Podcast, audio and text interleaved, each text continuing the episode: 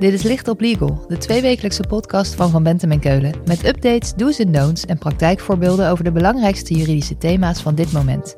Pragmatisch vertaald naar de impact op jouw organisatie. Gebracht door onze eigen experts. De consument aan het woord laten klinkt natuurlijk als een mooi promotiemiddel, maar dat kan ook zo omslaan in negatief PR. Recent is de richtlijn Modernisering Consumentenbescherming in de Nederlandse wet geïmplementeerd. Hierdoor wordt de bescherming van consumenten verstevigd, zo ook als het gaat om de consumentenreview. Je kent ze wel, de recensies die geplaatst worden op consumentenwebsites, door consumenten zelf. Regelmatig zijn die namelijk niet zo onafhankelijk als je zou willen. We praten er in deze licht op legal over met Anouk Lankaar. Zij stelt zich even voor. Mijn naam is Anouk Lankaar. Ik ben werkzaam als advocaat op de praktijkgroep Commercial Contracting and Dispute Resolution. Ik houd me voornamelijk bezig met het opstellen van contracten. Je kunt erbij denken aan de keten van fabrikant tot consument en alle samenwerkingsverbanden daartussen. Anouk schrijft daarnaast regelmatig bijdragen voor het tijdschrift Bedrijfsjuridische Berichten. Zij adviseert dagelijks retailers over contracten en hun informatieverplichtingen richting consumenten. Zij kan je dus als geen ander bijpraten over de nieuwe regels rondom het publiceren van consumentenbeoordelingen. Anouk, er zijn veel ontwikkelingen binnen het consumentenrecht. Waar gaan we het vandaag over hebben? Ja, klopt. De Europese Unie is bezig met het moderniseren van de consumentenbescherming. En zij heeft in 2019 een Europese richtlijn vastgesteld, waardoor oude richtlijnen zijn aangepast. En eerder hebben we het al gehad in aflevering 60 van Licht op Legal over de regels rondom kortingsacties. En vandaag gaan we het hebben over het publiceren van consumentenreviews en aan welke regels je dan moet voldoen als winkelier.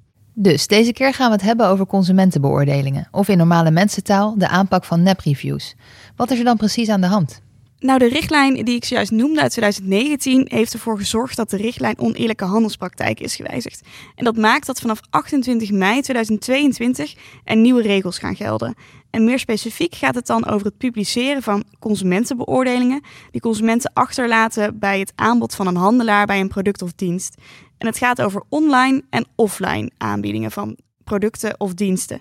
En als deze regels worden geschonden door de handelaar, dan leidt dat tot misleiding van de consument. En ik hoor je zeggen misleidend. Dat mag natuurlijk nooit. Iemand misleiden. Maar wat betekent dat nou? Ja, misleidende handelspraktijken is wel een lastig begrip. En in de wet zijn verschillende situaties opgenomen waarvan daar uh, sprake van is volgens de wetgever. Je hebt allereerst de situatie dat een handelaar onjuiste informatie aan de consument verstrekt. Ook kan het zo zijn dat wel de juiste informatie wordt verstrekt, maar dat die op een manier wordt weergegeven waardoor de consument alsnog bedrogen wordt. En tenslotte heb je ook de situatie waarin je juist essentiële informatie weglaat. En in al deze gevallen gaat het er eigenlijk om dat de consument een besluit neemt wat hij anders niet had genomen. En dergelijke misleidende praktijken zijn verboden. Daar zal ik zo meteen meer over vertellen, maar misschien kunnen we eerst even inzoomen op de nieuwe wetgeving. Ja, want vertel, Waar moet een handelaar of een winkel nou op letten als hij toegang biedt tot beoordelingen die geplaatst worden bij zijn product of dienst? De wetgever heeft ervoor gekozen om een algemene maatstaf op te nemen en een aantal specifieke situaties te noemen die verboden zijn. En als we eerst even kijken naar die algemene maatstaf, dan gaat het erom dat alle consumentenbeoordelingen die je publiceert als handelaar, dat die afkomstig moeten zijn van consumenten die het product gebruikt hebben of hebben aangekocht. En je moet als handelaar de consumenten die vervolgens die beoordelingen lezen ook informeren of en hoe jij hebt gecheckt dat die beoordelingen afkomstig zijn van deze mensen. Ook hebben we dus drie specifieke situaties, want die algemene maatstaf is wat breed.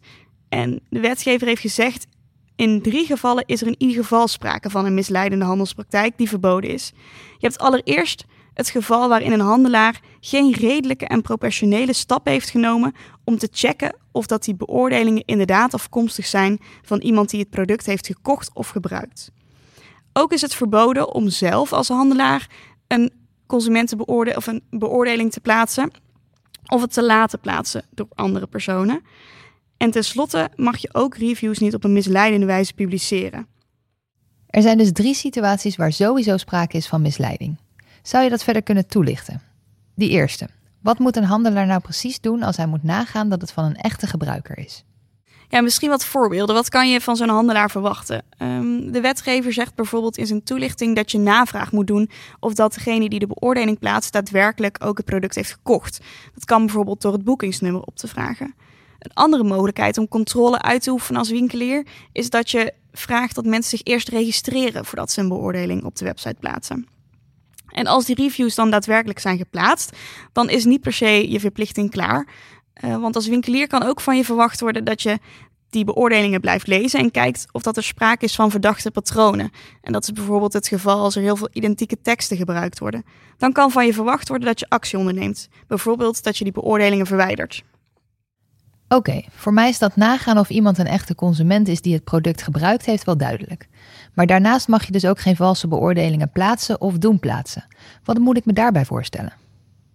Nou, je ziet denk ik steeds vaker wel in de praktijk, of je hebt in ieder geval het vermoeden dat er um, nou ja, wat likes zijn gekocht, of dat je nou ja, via vrienden, kennissen of wie dan ook beoordelingen ziet staan. En dat mag dus in beginsel niet. Je mag niet zelf likes geven aan je eigen product en je mag ook niet andere opdracht geven om een bepaalde beoordeling te plaatsen. En daarvan is niet vereist dat je iemand betaalt om een beoordeling, een positieve beoordeling neer te zetten. Het gaat erom dat je iemand vraagt iets op te schrijven wat hij eigenlijk niet zelf heeft ontdekt, want hij heeft het product niet zelf gebruikt of gekocht. En tenslotte, wat wordt eigenlijk bedoeld met je mag geen misleidende voorstelling geven van consumentenbeoordelingen? Een beoordeling is toch wat het is? Ja, het gaat dan over de weergave van de reviews of de beoordelingen. En ook of dat je die beoordeling hebt gemanipuleerd. Uh, een, aantal, een voorbeeld daarbij is dat je bijvoorbeeld alleen maar positieve beoordelingen op je website laat staan en alle negatieve weghaalt. En het manipuleren van beoordelingen gaat bijvoorbeeld over de situatie dat een consument een beoordeling heeft geplaatst bij product A. En dat product A lijkt een beetje op product B. En als winkelier link je dan die beoordeling ook aan het product B. Terwijl de consument daar eigenlijk helemaal geen aanbeveling over heeft gedaan. Helder. Maar gaat dit alles nou alleen over reviews op mijn eigen website of ook op andere plekken? Niet per se. Het gaat over je eigen website, maar ook over de situatie waarin er een link op je website staat naar een andere website waarop allemaal beoordelingen en reviews worden weergegeven. Ook die beoordelingen moet je in de gaten houden. Duidelijk. En wat is nou de gedachte achter deze regelgeving? Nou, je ziet dat als we een product kopen of een dienst, dat je dan steeds vaker afgaat op wat andere mensen ervan vinden. En de Europese Unie wil dat als je afgaat op beoordelingen van anderen, dat het ook daadwerkelijk echte beoordelingen zijn. Dus dat die afkomstig zijn van iemand die het product zelf heeft gebruikt. En deze regels uh, zijn een aanvulling op bestaande regelgeving, omdat we binnen de Europese Unie al langer aan consumentenbescherming doen. En ook aan consumentenbescherming in het kader van misleidende handelspraktijken. Ah, er bestond dus al regelgeving over misleidende handelspraktijken. Ja, klopt. We hadden de richtlijn oneerlijke handelspraktijken al uit 2005. En die is geïmplementeerd in artikel 193a van boek 6. En het doel van die richtlijn is om oneerlijke handelspraktijken tegen te gaan, omdat die het vertrouwen van de consument in de markt ondermijnen. En daarnaast kan het in de weg staan aan het maken van goede keuzes door consumenten. Maar wacht even. Nu zeg je oneerlijke handelspraktijken. Net sprak je over misleidende handelspraktijken. Is dat hetzelfde? Ja, het is wat verwarrend. Het is zoiets als uh, elke eik is een boom, maar niet iedere boom is een eik. Oneerlijke handelspraktijken is een heel breed begrip. En waar hebben we het dan over? Dan is het een handelaar die in strijd handelt met de vereisten van professionele toewijding. Het moet mogelijk gaan over het merkbaar beperken van het vermogen van de gemiddelde consument om een geïnformeerd besluit te nemen. En hierdoor kan de gemiddelde consument een besluit nemen wat hij anders niet had genomen. En dat is dus een vrij breed begrip. En om daar wat meer handvatten aan te geven, heeft de wetgever al twee typen bijzondere onder eerlijke handelspraktijken in de wet opgenomen. En één daarvan is dus de misleidende handelspraktijk. En de misleidende handelspraktijk wordt dan bijvoorbeeld weer ingevuld door de regels omtrent het publiceren van reviews. Maar hoeveel pijn doet het nou als ik me er niet aan hou? Nou, die misleidende handelspraktijken zijn dus verboden. En we zien dat in het Nederlandse recht als onrechtmatig jegens de consument.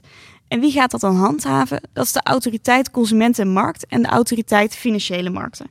Zij kunnen een last onder dwangsom opleggen of een bestuurlijke boete. En die boetes die lopen ook wel best wel op. Het kan gaan om 4% van je jaaromzet tot een maximum van 2 miljoen euro. En als je herhaaldelijk de fout in gaat, gaat het zelfs om 10% van je jaaromzet. Ook kan de consument zelf actie ondernemen. En dat kan bijvoorbeeld via de Stichting Geschillencommissie Consumentenzaken of de Reclamecodecommissie. Anouk, om af te sluiten, wat is nou de tip die je bedrijfsjuristen of winkels in zijn algemeenheid zou willen meegeven? Ja, let eens goed op. De consument aan het woord laten klinkt natuurlijk als een mooi promotiemiddel, maar dat kan ook zo omslaan in negatieve PR. Dus zorg dat de manier waarop jij reviews publiceert voldoet aan de nieuwe regelgeving en dat je ook de consument voldoende informeert over de manier waarop jij die publicaties hebt ingericht. En doe die check ook snel, want de regelgeving is inmiddels van kracht. Anouk, dankjewel. Als we meer willen weten, waar kunnen we dan terecht? Je kunt me altijd mailen op anouklankaar.vbk.nl. Je mag me ook bellen. Mijn telefoonnummer staat op de website. Dit was Licht op Legal, een podcast van Van Bentem en Keulen. Te beluisteren via Spotify, Apple Podcast of je eigen favoriete podcast-app. Wil je meer weten? Heb je suggesties voor een onderwerp? Of wil je dat onze experts hun licht laten schijnen op jouw juridisch vraagstuk? Laat het ons weten via vbk.nl slash lichtoplegal.